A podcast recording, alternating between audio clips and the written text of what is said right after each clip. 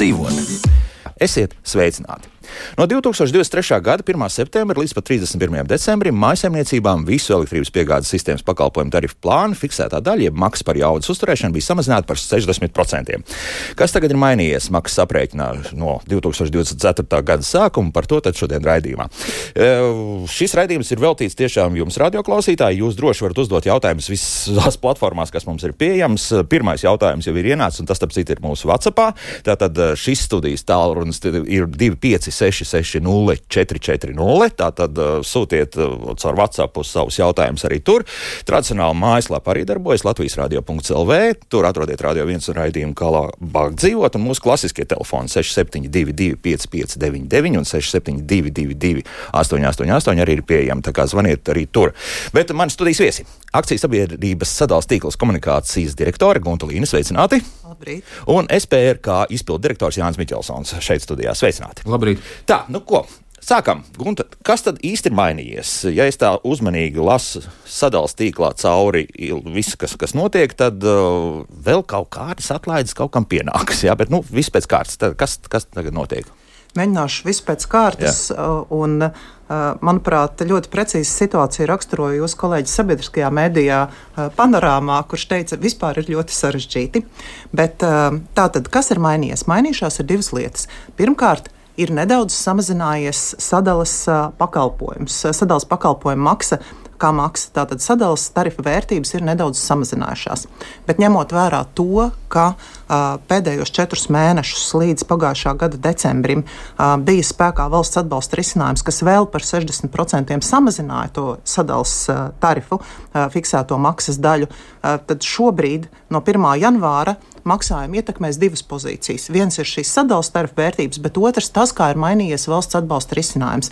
Žēl, ka šobrīd varbūt mums nav pievienojies klimata un enerģētikas ir pievienojies. Jā, ir pievienojies klimata un enerģētikas ministrijas pārstāvs. Jā. Jo šis bija tāds politisks lēmums, apstiprināts, manuprāt, elektroenerģijas tirgus likumā tieši kādā veidā no 1. janvāra attiecīgi šis atbalsta risinājums mainīsies. Tas ir kļuvis vairāk mērķēts, un, un šī, šī atbalsta mehānisma mērķis ir nodrošināt tādu pakāpeniskāku sadalījuma pakalpojuma maksas izmaiņu, jeb pieaugumu. Un, attiecīgi, šobrīd no 1. janvāra spēkā ir tā saucamais atbalsta griestu risinājums, kas ir nedaudz mazāks nekā šis iepriekšējais. Jo lasot, pilnīgi neko nevar saprast. Un, un lasot, pilnīgi neko nevar saprast. Baidos, ka no manas stāstījuma varbūt arī tas tā ļoti vienkārši nenolasījās, bet tas, kas ir jāzina maisaimniecībām, ikvienai maisaimniecībai, maisaimniecības, ja privāta persona pieslēgumiem, no vienas fāzes 16, 20, 25 ampēriem un trīs fāzu 16, 20 un 25 ampēriem šis uh, sadales pakalpojumu izmaiņas būs relatīvi nelielas. Fiksētās maksas pieaugums būs aptuveni 50 eiro līdz 2 eiro apjomā mēnesī. Nu, tur nebija melots arī pagājušā raidījumā. Mēs par to runājām, un es arī pārbaudīju, jums tur tas kalkulators ir. Un, jā, tiešām, nu, tā kā mēs runājam, apmēram 1 eiro. 1 eiro man, man arī ir jā, tas, tas sadārdzinājums. Protams, būtu labāk, ja 1 eiro mazāk, bet nu, nu, nu, ko darīt tāda dzīve? Jā, nu, tā ir. Jā.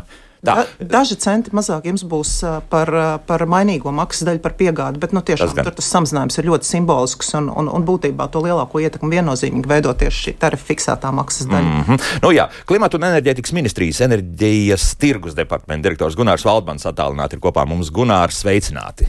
Jā, labrīt. labrīt jā, Gunār, nu tad par šo te, kas, kas ir jāpiebilst teiksim, no, no ministrijas puses.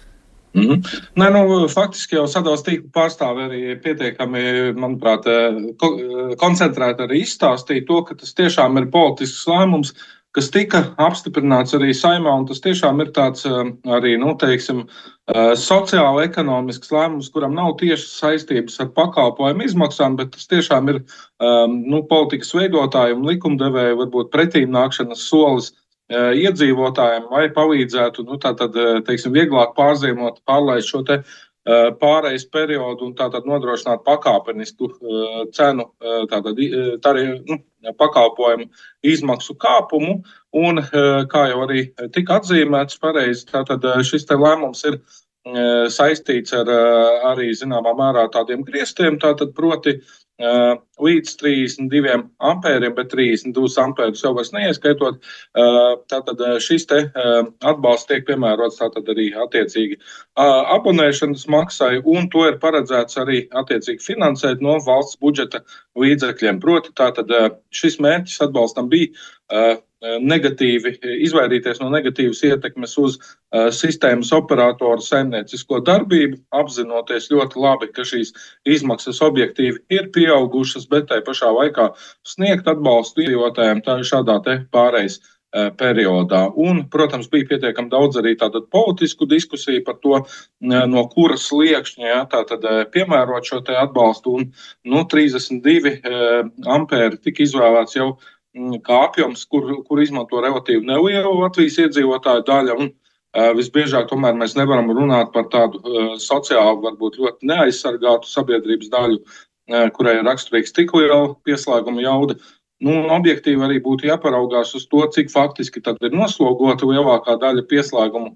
Un, ja paskatāmies uz to reālo statistiku, tad uh, bieži vien pat ar šiem relatīvi nelielajiem pieslēgumiem šī faktiskā pieslēguma noslodze ir salīdzinoši zema, un tā tad joprojām ir zināmas iespējas arī faktiski, nu, joprojām daudzos gadījumos arī tomēr pārbaudīt un pārliecināties, vai tiešām ir vajadzīgi, pieņemsim, trīs fāzes un uh, 25 ampēri vai 20 ampēri, ja uh, faktiskais patēriņš atļauj izmantot arī krietni mazāku, uh, tātad 16 ampēru uh, pieslēgumu ar trīs fāzēm.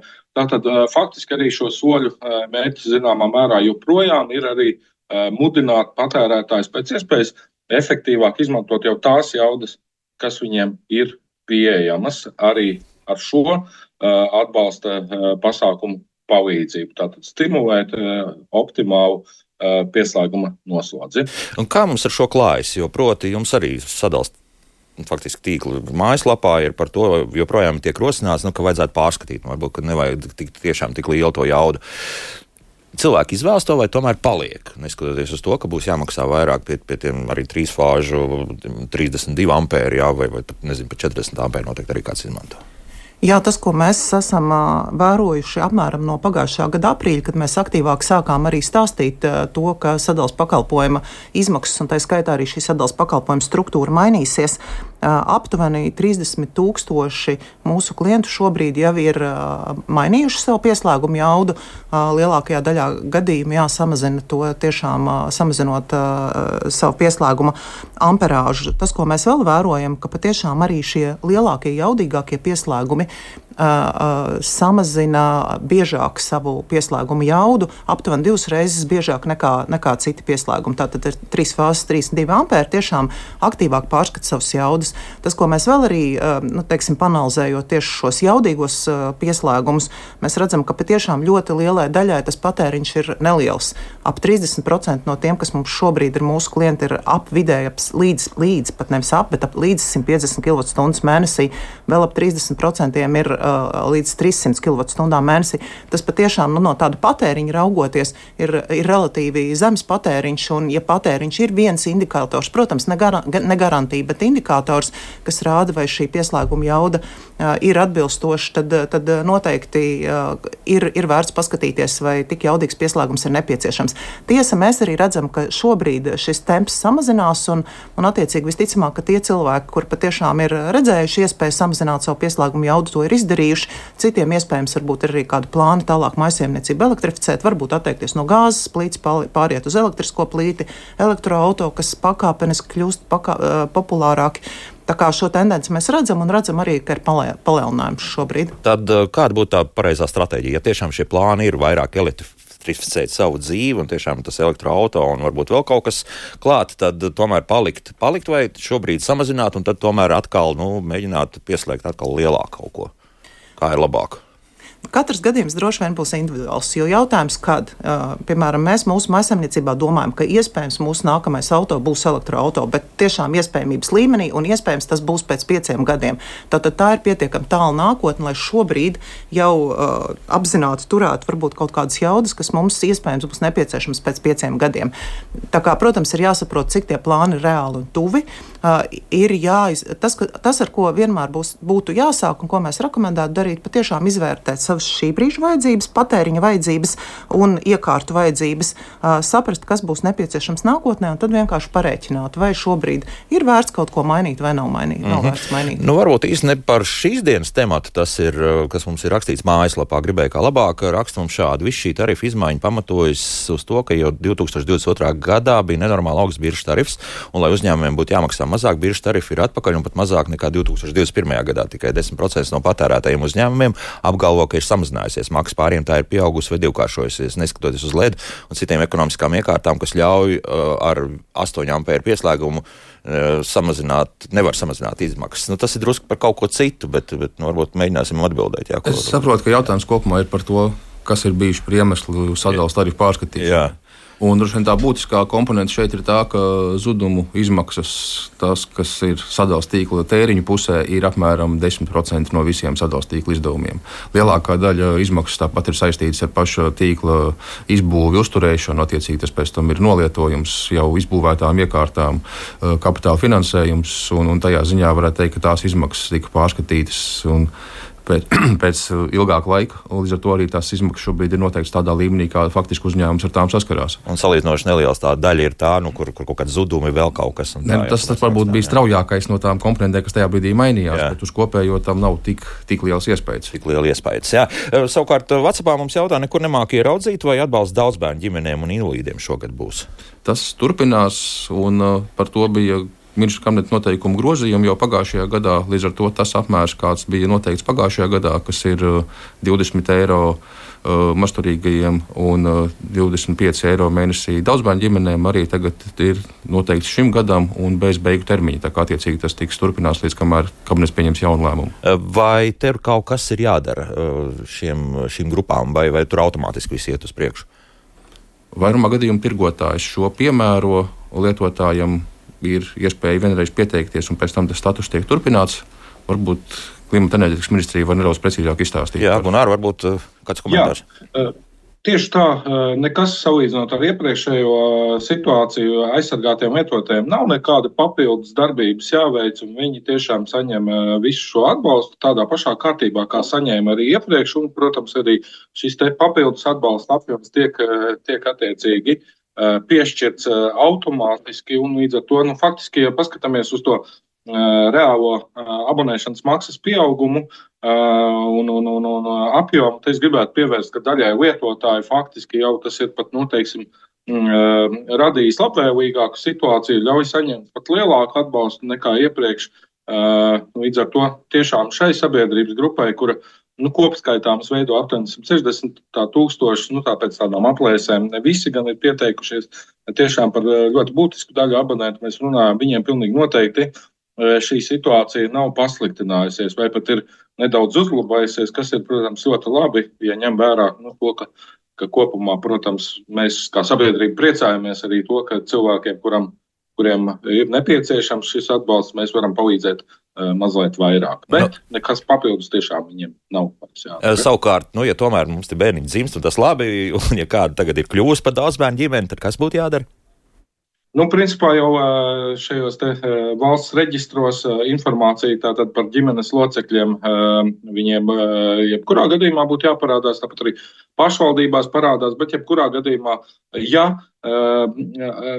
ja lietotājs zina, ka viņam šis status pienāktos, bet kaut kāda iemesla dēļ tas nav, tad noteikti vajadzētu pirmkārt konsultēties pie tirgotāja un tad jau arī attiecīgi paskatīties, varbūt kurā datu bāzē šī informācija iztrūkst, un e, nepieciešamais gadījumā arī būs e, vērsties pie Būvniecības valsts kontrolas biroja, pārliecināties, ka tiešām šie dati ir ievadīti korekti reģistros, un tad, e, ka viņa status arī tiek attiecīgi viņam piešķirts. Mm -hmm. Tā. Turpinām ar jautājumiem, ko mums iesūtījuši radioklausītāji. Kāpēc atcelt ir nakts dienas brīvdienu tarifu, kas ļauj pašam sadalījuma tīklam sabalansēt jaudu, jo motivē iedzīvotājus izmantot elektrību mazāk intensīvos lietošanas periodos?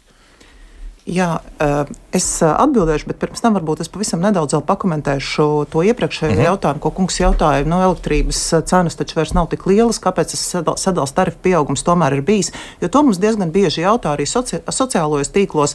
Un, uh, ir jāņem vērā, ka tajā brīdī, kad, kad uh, tika uzsākta diskusija par sadalījuma pakalpojumu izmaksām, elektroenerģijas cenas tiešām bija. Mēs prognozējām, ka nu, tā ietekme būs milzīga, bet mūsu izmaksas virzīja attiecīgi tas prognozētais elektroenerģijas enerģijas cenas piekāpums, pār, pieaugums, pārvedes tarifu pieaugums un arī inflācija. Un šobrīd, ņemot vērā to, ka tā elektroenerģijas cena tomēr uh, neaug tik strauji un, un tās uh, prognozes nobalansējās, attiecīgi tas arī mums ļāva nu, nevirzīt tik strauji šo tarifa izmaksu pieaugumu, par ko, protams, ir prieks. Bet atgriežoties tātad pie jautājuma par dienas un nakts tarifu, nu jāatzīst, ka tagad es uzreiz no galvas neatceros, uh, bet uh, šo tarifu patiešām izvēlējās ļoti maz, 0,2 vai 2%. Tas ir tas, ko es neatceros, bet nu, ļoti, ļoti mazs mūsu klientu skaits skaits šo tarifu izvēlējās. Līdz ar to mēs arī īsti neredzējām tādu, tādu ekonomisku pamatojumu to joprojām uh, saglabāt. Mm -hmm. Gunār, jā. Jā, es varu arī papildināt no vēstures, ka savulaik šāds dienas nakts tarifs tika tiešām, kā jau cilvēks pareizi pieminēja, ieviests ar mērķi sabalansēt. Bet tas veidojās laikos, kad uh, būtiska elektrostaciju daļa mūsu reģionā tiešām izjūta zināmas grūtības ar to sabalansēšanu. Proti, nevarēja samazināt eh, izstrādes jaudu tik viegli. Bet šobrīd šī aktualitāte ir zudusi, ja, jo lielākā daļa eh, ģenerācijas mūsu reģionā ir salīdzinoši elastīga. Nu, tātad Skandināvijas, Somijas, Baltijas reģionā eh, ražotājiem vairs nav īpaši problēma samazināt izstrādes jaudas. Līdz ar to tīklā neveidojās tātad pārsprieguma un pārprodukcijas riski, un līdz ar to nav vairs ekonomiska pamatojuma piedāvāt šādu tarifu, jo uh, nu, tam nav nekādas vairs sistēmiskas regulēšanas būtiskas ietekmes, un attiecīgi nu, no sadalas tīkla viedokļa tam vairs arī nav tādas, un, un vispār sistēmas viedokļa tam vairs nav īsti tā ekonomiskā efekta, kāds bija agrāk, un attiecīgi nav, nav arī īsti vairs pamatojuma to saglabāt, jo nu, tas savu, nav visām pusēm. Savukārt, biržas tarifs tad uh, šeit uh, kaut kur izlīdzinās zināmā mērā. Ne, tas ir atkal no otras puses. Lietotājs pats var izvēlēties biržas tarifu, līdz ar to sakot līdzi, kurā brīdī tās cenas ir labākas. Un tiem, kas to dara, droši vien arī redzams, ka šobrīd tā situācija ir ļoti atšķirīga no tiem laikiem, kad dienas un nakts tarifs ievies. Šat, tajā laikā, kad ir uh, saulains, šobrīd gan Latvijā, gan citur reģionā ir daudz saules paneļu uzstādīti, un īstenībā tās cenas dienas vidū bieži vien pat sanāk zemākas, tad, ir saulains laiks vai ir liela, vēja izstrāde. Un brīvdienās un naktīs. Tad sanāk, ka tas dienas un nakts tarifs varbūt reizēm pat būtu jāgriež otrādi. Jā, dienā ir mazāks un naktī lielāks. Tas, tas gan jā, un, un dienā, un respektīvi vakarā un naktī ir, tur jau ir pats par sevi faktiski elektrības cena. Un tas atkal pārstāv līdz patēriņam vairāk nekā ražošanai. Kā šīs līgas faktiski beigās varētu būt diezgan līdzīgas. Tā, um, nu, runājot vēl par tām elektrostacijām, nu atbildēsim uzreiz mūžīgais jautājums. Leo raksta, nu redz, mums ir tās hidroelektrostacijas uz Daugaus, un kāpēc mēs tomēr nevaram par vienu centu tirgot šo elektrību un, un līdz ar to nu, šādu, šādā veidā atbalstīt. Nu, atbildam vēlreiz, kāpēc tas tā notiek. Galvenais ir tas, ka hidrostaciju pieejamais apjoms, kas tiek izstrādāts hidrostacijās, nav visu gadu vienāds. Hidrostacijas mums šobrīd darbojas labi, kad ir ziemas atkustnes, ir bijis daudz sniega, ir liela ūdens pieplūde, bet to nevienmēr iepriekš var paredzēt, kurā ziemā tāda iespēja būs, kurā nebūs. Ikgadēji var sagaidīt, ka hidrostacijas strādā labi martā, aprīlī, kad ir pavasara pali tad ūdens pieteicis ir tik liela, ka ar hesiem pietiek gan visam Latvijas patēriņam, gan arī ir iespēja eksportēt uz kaimiņu valstīm. Savukārt, parasti sausā, karstā vasarā vai augstā ziemā, kad ūdens pieteicis ir apstājusies, tad hesi izstrādā ļoti maz. Ar hesu apjomu pietiek uh, dažām stundām dienā, kad ir pīķa pieprasījums. Pārējā laikā hesi stāv un krāj ūdeni atkal šīs nākošās dienas pīķa stundām.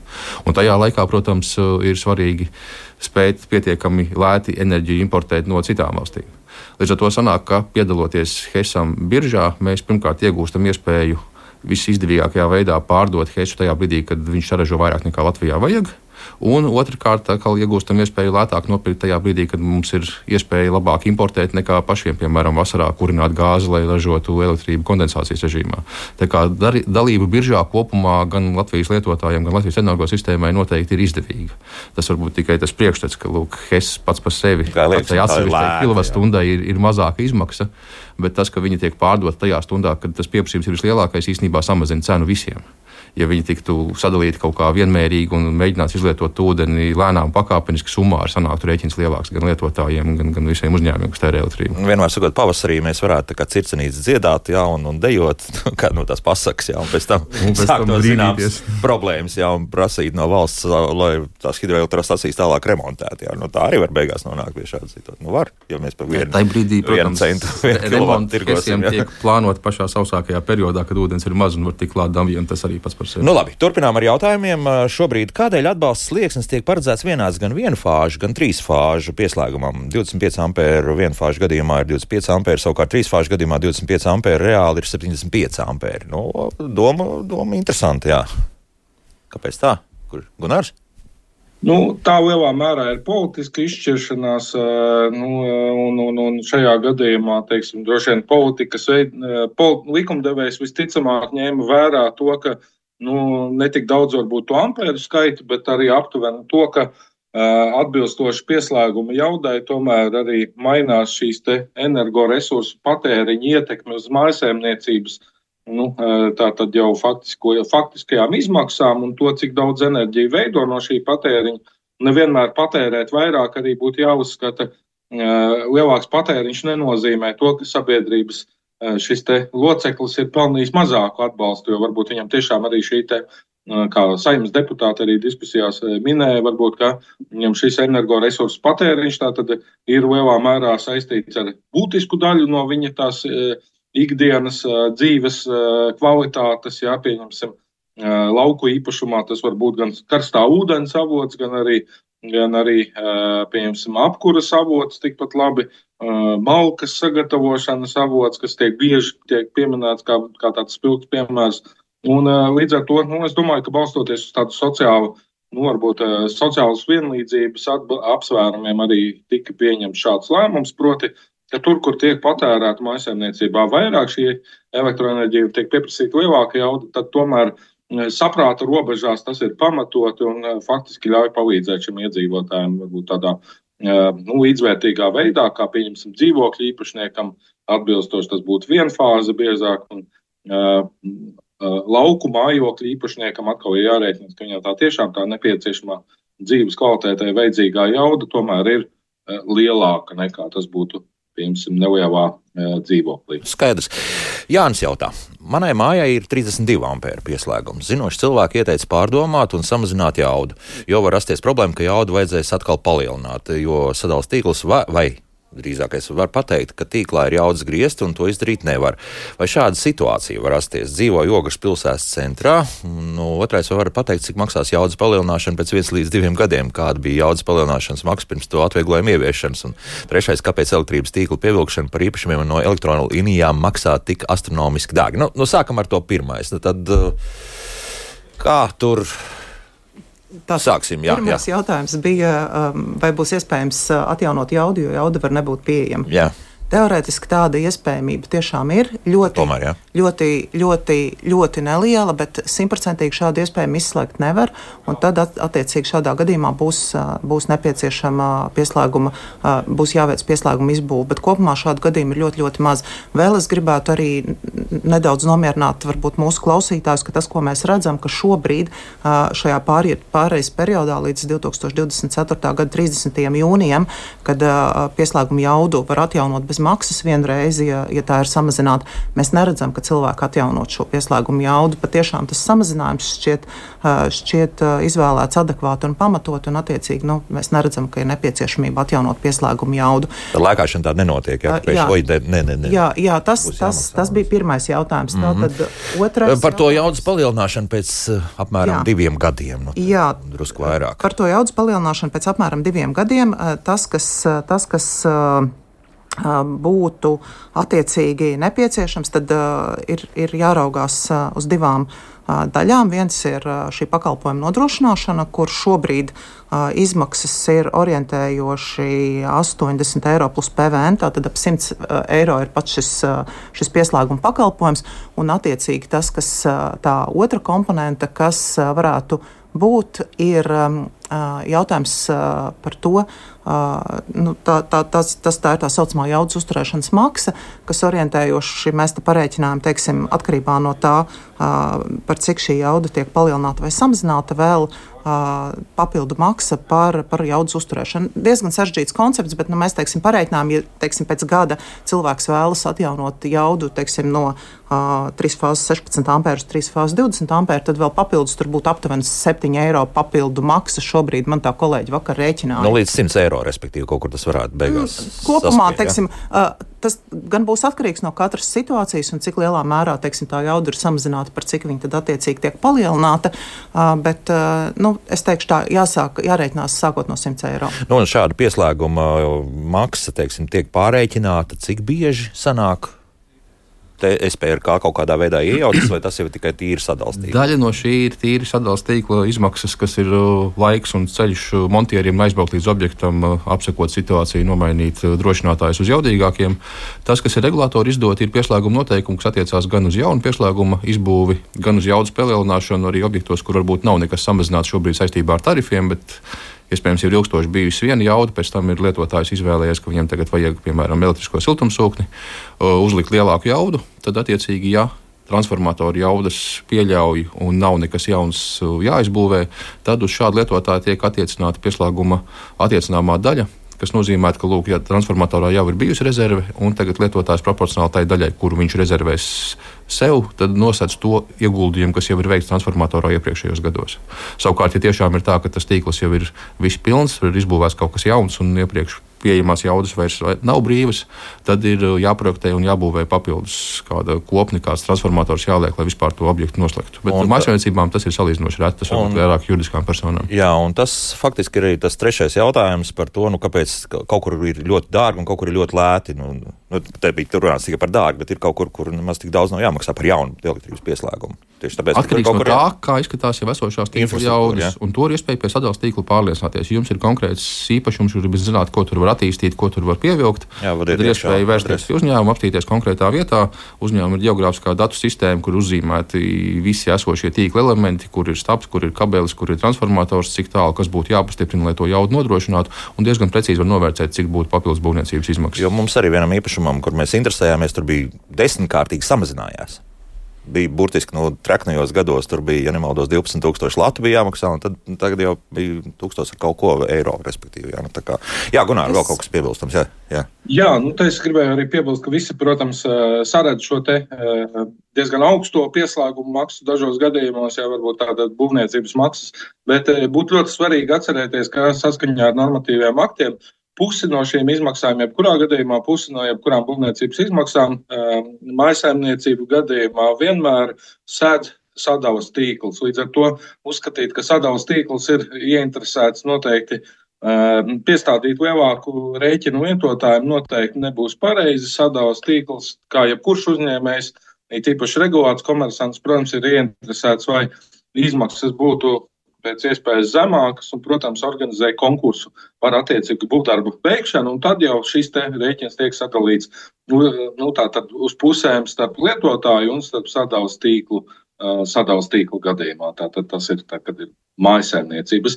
Bet uzskatīt, ka šeit tas ir sadalījuma tīkla lēmums, noteikti šādas izmaksas nebūs korekti, jo tiešām tātad tiek organizēti iepirkuma darbi, kur jau faktiski darbu veicēji, būvniecēji jau arī piedāvā attiecīgi šādu cenu līmeni, un tas arī atspoguļo lielā mērā nu, to, to atalgojumu, ko viņi var saņemt, arī veicot identiskus būvdarbus arī citos objektos. Tātad līdz ar to nu, faktiski te ir jautājums, cik kāda ir reālā būvdarbu izmaksas un tehnikas īres izmaksas un galu galā arī cilvēka darba tirgus likme, kuru viņš var nopelnīt veicot šādus darbus.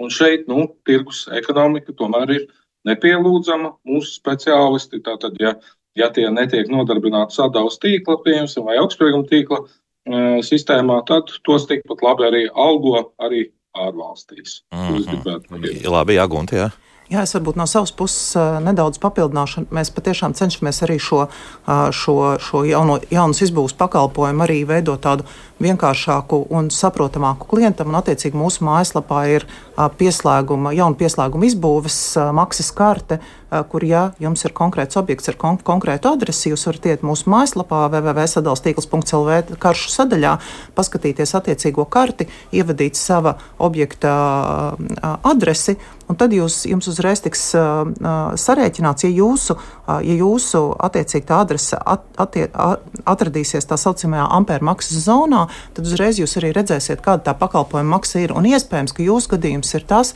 kur mēs tiešām pārgājām uz šo ampēra maksas principu nelieliem pieslēgumiem, lai to padarītu saprotamāk un zināmā mērā nedaudz izlīdzinātāk un iespējams ne, nu, tur, attiecīgi. Tur jā, bija arī vienkārši kaimiņi bija parosījušies. Nu, viņi bija jau tas faktiski tas ne gluži lielais transformators, bet tās kastes elektrības tikai pievilktas krietni tuvāk klāt, un līdz ar to acīm redzot, jaudas tur pietiek. Bet Dainis redz, ka mums... kā Gunārs, vēl es pabeigšu, kā Gunārs minēja, nelieliem pieslēgumiem, jā, mēs sadzam pusi šo pieslēgumu izmaksu, tātad līdz 100 ampēriem, bet nu, mājsaimniecībai nevar iedomāties pieslēgumu ar 100 ampēru jaudu. Iespējams, ka tas ir nepieciešams, bet nu, tas ir ārkārtīgi. Ar kriptovalūtu.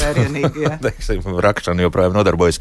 Dainis raksta gan lūk, ko labāk būtu pārskatījuši savus kosmosa uzskrūvētās cenas līniju kopšanai, pieslēgumu ierīkošanai.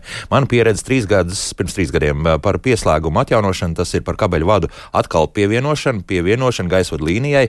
Prasīja 2600 eiro. Par, pēc neskaitāmām sarunām un paziņošanu, ka šis būs interesants jautājums žurnālistiem, tām samazinājās līdz 65 eiro. Kaut kā ļoti strauji tā samazinājās. Vai tiešām var būt arī kaut kas tāds notikt? Nu, ja jums ir apakšuzņēmēji, Nu. Kon konkrēto situāciju nevarēšu komentēt, jo tad tiešām vajadzētu adresi un saprast, kas tur ir bijis par situāciju. Bet kopumā mēs šo, šos pakalpojumus ļoti mērā, lielā mērā nodrošinām arī piesaistot apakšu uzņēmējus konkursu kārtībā, izvēloties saimnieciski izdevīgāko pakalpojumu. Tā kā, protams, tas īstenībā ir tirgu, tirgu balstīts pakalpojums arī lielā mhm. mērā.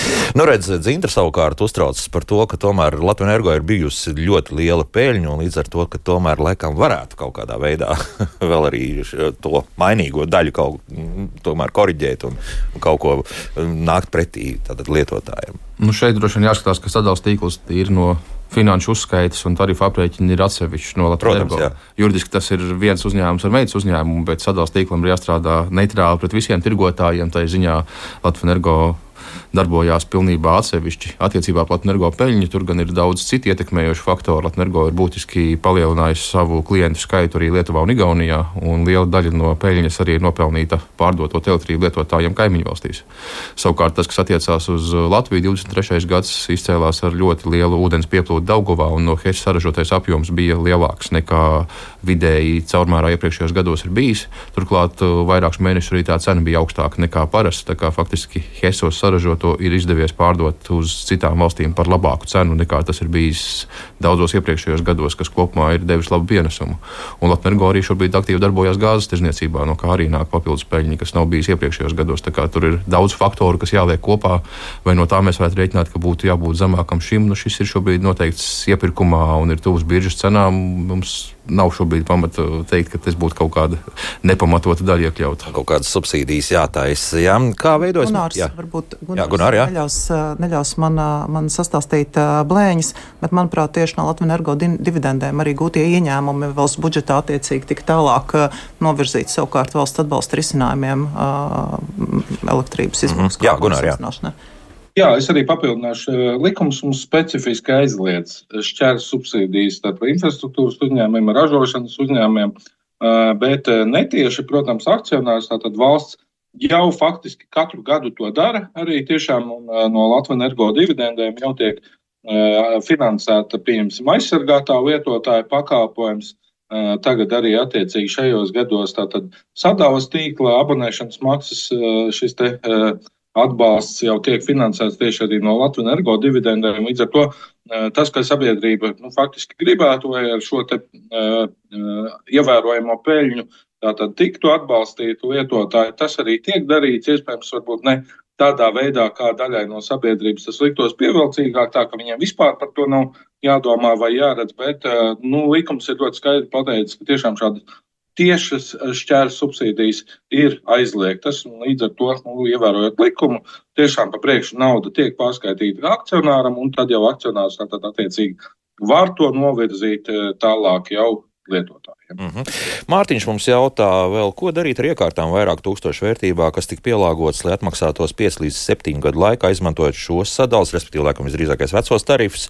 Par šādām kardinālām izmaiņām būtu jānosaka brīdinājums vairākus gadus iepriekš, respektīvi, ka nevis, uh, kad ja jums dodas un rāda, ka nu, tagad ir vajadzīgi jauni tarifi, bet, bet vēl kaut kādi 2-3 gadi. Tas vispār ir iespējams kaut kādā veidā šādi nu, teiksim, tā, informēt sabiedrību ja par mājsaimniecību un šādas izmaksas iekārtām varētu būt runa par saules paneļiem. Es tā domāju, jā.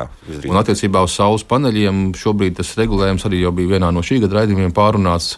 Ir pieejams tātad piecu gadu periods tiem, kur ir uzstādījuši paneļus, kamēr nemainās regulējums attiecībā uz to, kādā veidā var no paneļiem saražotu enerģiju nodot tīklā, un pēc tam tajos mēnešos, kad ir vajadzīgs, atkal no tīkla paņemt atpakaļ. Tā kā faktiski lielākajai daļai ieguldījumu būtu vēl jāatpelnās pie līdzinējā regulējuma. Jā, ne tā uzskaita sistēma. Tas, kas attiecās uz pašu fiksēto maksājumu, nu, tas objektīvi atbilst tām tīkla nodrošināšanas izmaksām. Vienalga, vai lietotājs izmanto savu paneli un patērē tajā brīdī no paneļa saražoto vai, vai ņem no tīkla, tas, cik izmaksā pievilktais kabelis, viņa remonts un aizstāšana, kad viņš būs savu laiku nokalpojis, nebūs atkarīgs no tā, kā lietotājs ir ieguldījis savā pusē. Šis varbūt drīzāk ir godīgāks izmaksu sadalījums starp tiem, kas ir dzīvokļos, tiem, kas ir mājās, tiem, kam ir paneļi un tiem, kam nav paneļi. Piekrītu, bet, ja es gribētu uzlikt saules paneļus, tad es gribētu, ka tas būtu negodīgi. Jā, jā. Jā es varbūt arī papildināšu attiecībā uz iekārtām, kas, ir, nu, teiksim, kas darbojas uz elektrību un attiecīgi tiek izmantots. Manuprāt, viens aspekts, ko nevajadzētu aizmirst, un reizē man šķiet, ka mēs tomēr to nedaudz piemirstam, elektrības rēķinu veido vairākas daļas. Ne tikai elektrības pārvades un sadales pakalpojumi, bet arī elektrība pati, ko piegādā tirgotājs. Un arī šīs izmaksas attiecīgi nosaka to, kāds, kāds ir patēriņš un iespējams vēl vairāk ietekmē arī, arī, arī nu, to, to kopējo rēķinu. Tas, ko mēs arī nu, pat esam, esam veikuši tādu aptauju, mēs redzam, ka diezgan liela sabiedrības daļa patiesībā pat nesako saviem patēriņa datiem. Bet tas, kas notiek, un iespējams arī tieši tagad, janvārī, varētu būt, ka mainās tirgotāja produkta cena. Iespējams, ka ir jāpaskatās, jā, ir biržas tarifs, kurā brīdī tērēt vai netērēt elektroenerģiju. Un, līdz ar to, to kopējo pozitīvo ietekmi mēs varam panākt, ja mēs patiešām pārzinām savu elektrības rēķinu un kopējo saimniecību un, un saprotam, kur mēs varam paskatīties izdevīgāku piedāvājumu no tirgotāja, piemērotāku tarifu no sadales pakalpojumu puses. Tad tas kopējais, tāda kopēja pieeja droši vien dos vislabāko efektu. Nu, mm, šeit grūti, kā saka, kaut ko teikt pretī. Paklausīsimies arī kādu klausītāju. Lūdzu, jūs varat jautāt. E, labrīt! Labrīt! Alo! Man ir tāds jautājums sakarā ar daudzreiz minēto to tirgus nosacījumiem un pieeju, īpaši sakarā ar apakšu uzņēmumiem. Man ir tāda doma, ka tā tirgus pieeja ja, un ar to saistītas komerc noslēpumi, saistītie komerc noslēpumi, viņam ir jābūt spēkā tikai pirms e, konkursa rezultāta pasludināšanai. Un pēc tam cena, pakalpojumu cenai ir jābūt pilnīgi caurspīdīgai patērētājam. Uzvarējis konkursā, lūdzu, cenu klāt, lai visi to redz. Cik tavi izdevumi ir tīra peļņa, cik tu atskaitīsi algai, e, teiksim, saviem darbiniekiem un tā tālāk un tā joprojām. Jo citādāk e, rodas pamats uzskatīt, ka jebkura cena ir subjektīva un vienkārši runājot no deguna izurta. Jā, jo mm -hmm. nu, domu sapratām. Domu sapratām. Jā, paldies. Jā. Jā, ne, nu, vai te kaut ko var mainīt? It kā jau teorētiski mēs tāpat to visu varam noskaidrot. Nu, es valsts ieņēmuma dienas kontrolē visu. Jā, nu. Klausītāja jautājums bija tieši par šo sastāvdaļām, kas ir līgumā darba uzņēmēji. Jā, jā, jā, jā. Ja sadalījums tīkls vai kāds cits regulēts uzņēmums piesaista apakšu uzņēmēju, tad viņi vienojās konkursā par kopējo cenu. Jautājums ir, vai pēc tam ir jāatklāj, kas tajā cenā ir bijis iekšā, cik no tā ir peļņa, cik alga, cik iekārtu noma vai kas tam līdzīgs. Faktiski jau ir tā, ka viena lieta ir, ko uzņēmējs sagatavo kā pieteikumu konkursā, otrs ir kā tas pēc tam praksē īstenojās. Tur jau var gadīties, ka tie apstākļi pēc tam atšķirās, tur mainās tas, cik ir vajadzīgs ieguldīt darbu un cik beigās paliek peļņa. Līdz ar to publiskot uh, līgumu, par ko ir noslēgts uh, sākotnēji, varbūt ir viena lieta, otrs ir faktiski redzēt, kādas ir tās izmaksas. Tā kā tur tiešām būtu jāstāsta ieņēmuma dienas dati. Nu jā, tur jau ir kā viss uh, parādīsies. Par nu, konkrēto cenu. Ja mums ir balta ekonomika, jā, nu, ja pelēkā, nu, tas ir kaut cits jautājums. Jā. Ja parasti konkursos jā. nemaz nevar piedalīties, tajā ziņā tur ir laba kārtība. Savukārt sadalījums tīkls katru gadu apkopo kopējās izmaksas jaunu pieslēgumu izbūvē, tā kā to cenu kas ir bijusi par vienu aizvadīto gadu, katru reizi var redzēt. Tas nav kaut kas slēpjams pēc tam. Tā kā var redzēt, pārbaudīt kopumā, kā tas izskatās, un katram nākošajam var salīdzināt, kā ir bijis iepriekšējā gadā, vai ir atšķirīgs vai līdzīgs kā iepriekš. Mm -hmm. nu, tas pats Jānis raksta, ka biržas mākleri vienmēr prasīs spēlēties ar tarifiem tā, lai gūtu maksimālo peļņu. Nu, iespējams, jā. Šeit īsti nav biržas mākleru. Šeit ir paši elektrības ražotāji, kas startē biržā, piedāvā visas savas tehniski pieejamās jaudas uz katru biržas tirzniecības stundu Un biržas algoritms tad apskatās, kura iekārta ir tā, kurā būtu visizdevīgāk ražot katrā brīdī. Nu, mēs, mēs Nordpolu biržu runājam. Jā, tieši jā. tā, elektrības Nordpolu birža. Uh, Pagājušajā nedēļā, kad bija augstāks, tad, teiksim, Latvijas energo strādāja divi teicu bloki. Šonadēļ ir siltāks, pieprasījums ir mazāks, attiecīgi biržā ir akceptēts apjoms no viena bloka, no otra nē, tas stāv dīkā, atpūšās, gaida, kad būs labākas cenas. Tā kā faktiski tas ir biržas mehānisms, kurš palīdz elektrības ražotājiem labāk noslogot savas iekārtas, saprast, kurā stundā, kur ir labāk darbināma, lai visu pieprasījumu nosaktu un nodrošinātu labāko cenu gan ražotājiem, gan pēc tam patērētājiem. Mm -hmm. nu jā, nu šeit tādas īstas spekulācijas nesanāk. Mākslinieka vietā ir dators ar algoritmu. Jā. Gan par to algoritmu kaut kādas sūdzības bija vienā brīdī, kad teica, ka kaut kā jocīgi rēķinot. Tas tagad ir precizēts. Tomēr, jā, tad ir labāk. Jā. Um, sanāk, tā ka nebija sadalījums tīkls un tīri labi viss darbojās un iztika. Priekš kam tāds kantors ar papildus izmaksām tika uzcepts? Nu, skaidrojam, kāpēc, kāpēc tā. Es varbūt iesākšu. Jā. Faktiski tā ir daļa no kopējā elektrības tirgus atvēršanas pasākuma, kas ir uh, kopēja Eiropas politika. Tā ir ieviesta arī citās dalību valstīs, un tas uh, dod šo konkurences iespēju elektrības tirgotājiem. Lai būtu iespēja darboties vairākiem elektrības tirgotājiem, attiecīgi arī kļūt dažādākai sistēmai. Latvijas gadījumā mēs redzam, ka ļoti veiksmīgi Latvijā darbojās elektrības tirgotāji, kur vienlaicīgi ir ražotāji Igaunijā vai Lietuvā, un Energo savukārt veiksmīgi darbojas kaimiņu valstīs. Tad šis tīkls no elektrības ražošanas un tirdzniecības ir jānodala. Un, un šajā ziņā nodalīts sadalījums tīkls uh, darbojas neitrāli, izturas vienādi pret visiem tirgotājiem, visiem ražotājiem. Tur vairs nav kaut kāda iespēja kādam pateikt, ka kur šo elektrību mēs ņemsim pretī prioritāri un to atstāsim uz pēdējo vietu. Tā ziņā viss ir absolūti skaidri, caurspīdīgi un vienveidīgi. Un arī tas principā ir veids, kā šo konkurenci ieviest. Tātad sadalījums tīkls ir vide, kurā darbojas elektrības tirzniecība, lai visi tirgotāji un ražotāji varētu pilnvērtīgi konkurēt. Tas ir kopumā Eiropā ieviests elektrības tirgus modelis, un tas pietiekami labi šobrīd darbojas. Mm -hmm. Gunār, jā. Nu jā, nu arī jāsaprot, ka tehnoloģiski tās izmaksas, kas veidojās eh, elektroenerģijas ražošanā un tīkla apkalpošanā, tas ir eh, ļoti būtiski atšķirīgas. Un arī faktiski eh, tātad izmaksu struktūra un arī funkcijas, ko veic šie uzņēmumi, tātad infrastruktūras uzņēmumi un ražošanas uzņēmumi, ir ļoti atšķirīgas.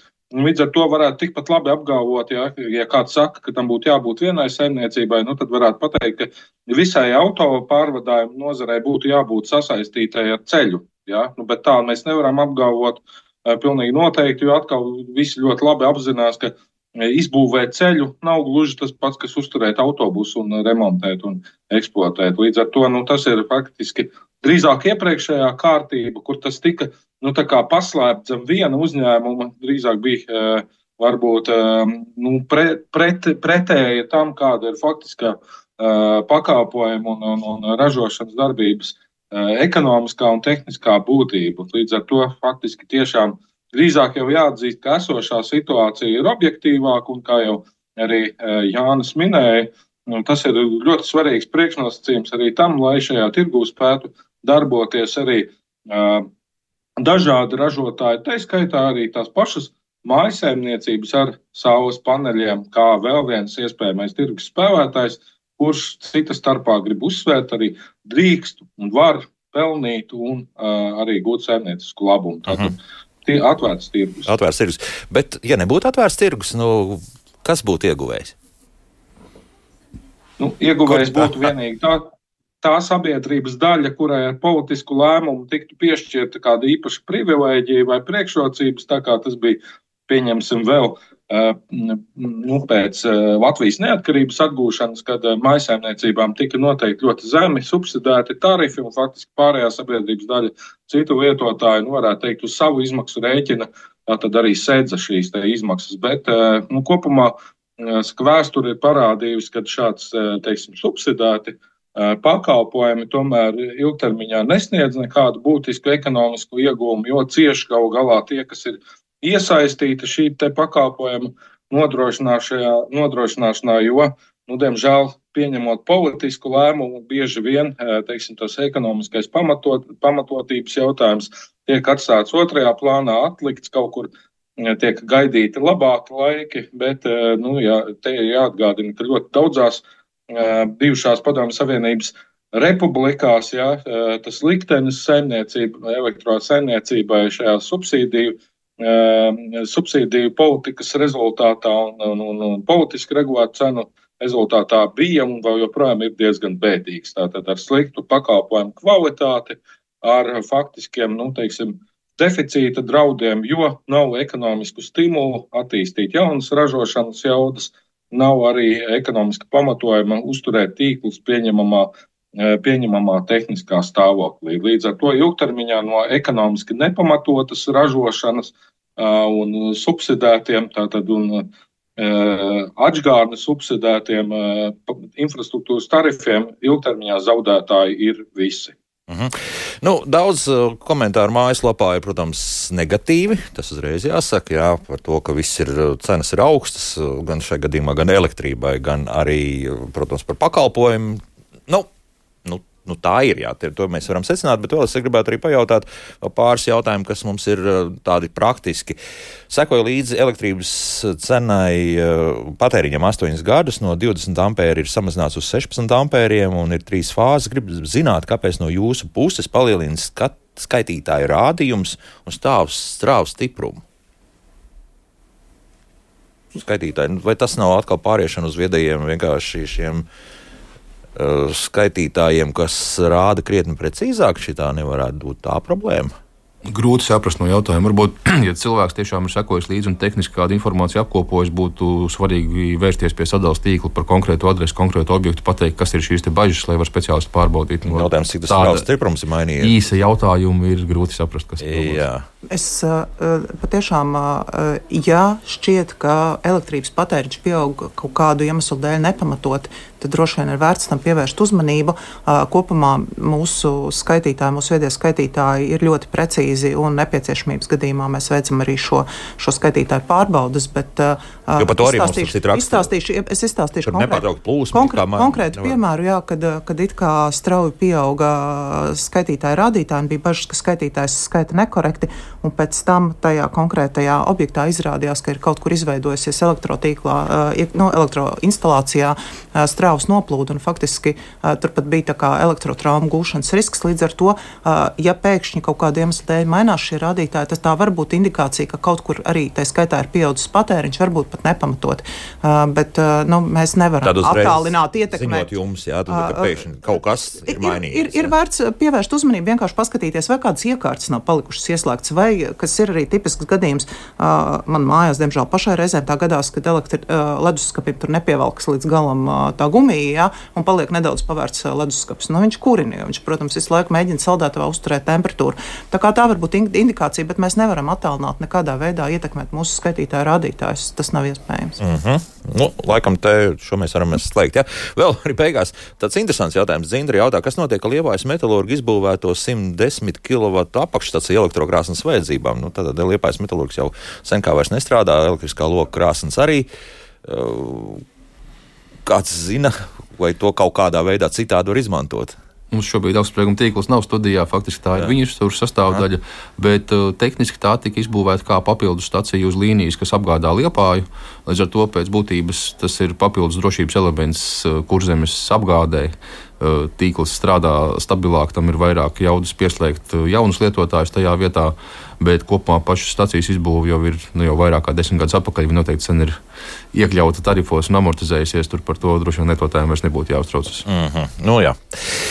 Nu, Nu, visdiž, visdažādākie jautājumi, pārsteidzoši un nu, visdažādākās tematikas. Un, uh, faktiski ir aizskarts ir mājaslapā ļoti daudz kas, bet nu, šodien mums jābeidz. Un, uh, kopumā es domāju, ka par pašiem tarifiem ir maz jautājumu, drīzāk ir par to lielumu. Ja? Nu, tas, nu, ar to mums jārēķinās, ka mēs dzīvojam sabiedrībā un, un pasaulē, kur nepārtraukti būs inflācija, līdz ar to ik pa brīdim arī tas tiks pārskatīts. Un, un, un, un visam nu, vēl kāds komentārs par to? Mājasemniecības nu, šajā gadījumā vairāk arī struktūras maiņa tiešām ietekmēja, un objektīvi tas pieaugums ir liels. Tāpēc mēs esam ļoti priecīgi, ka ir valsts atradusi iespēju šo, šo atbalsta mehānismu nodrošināt, lai, lai nu, ietekme nebūtu tik liela. kompensēt to visu, jā, Gunār? Jā?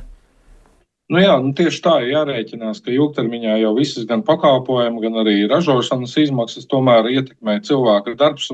Ir jāsaprot, ka nu, normālā, teiksim, ekonomiski veselīgā sabiedrībā cilvēka darbs nekļūst mazvērtīgāks mēs arī to nevēlamies. Bet ir jārespektē, ka šī kopsakarība, protams, strādā arī sociāli, varbūt jūtīgāk uztvertās nozarēs, tā izskaitā arī energoapgādē. Bet tomēr tom vajadzētu respektēt, ka arī šajā nozarē, tieši tāpat kā visās citās, arī darba spēks nekļūst lētāks. Un līdz ar to arī izmaksas jo darba spēka izmaksas ir lielākās izmaksas. Tas no ekonomikas teorijas pārliecināts. Nu, bija jau aizmirsts, vai 60 vai 70 procenti no visām izmaksām ir tieši darba algas un nevis pārējais modernā sabiedrībā. Šodien saku paldies akcijas sabiedrības sadalas tīklas komunikācijas direktorei Guntai Līnei, SPRK izpildu direktoram Jānim Miķelsonam un klimatu un enerģētikas ministrijas enerģijas tirgus departamenta direktoram Gunāram, Gunāram Valdanim par sarunu. Paldies! Rīta tad, dāmas un kungi, mēs runāsim par pieaugušo izglītību, izglītību kompetenci izglītību, un tas viss raidījumā, kā labāk dzīvot. Jaukdien visiem! Un tā!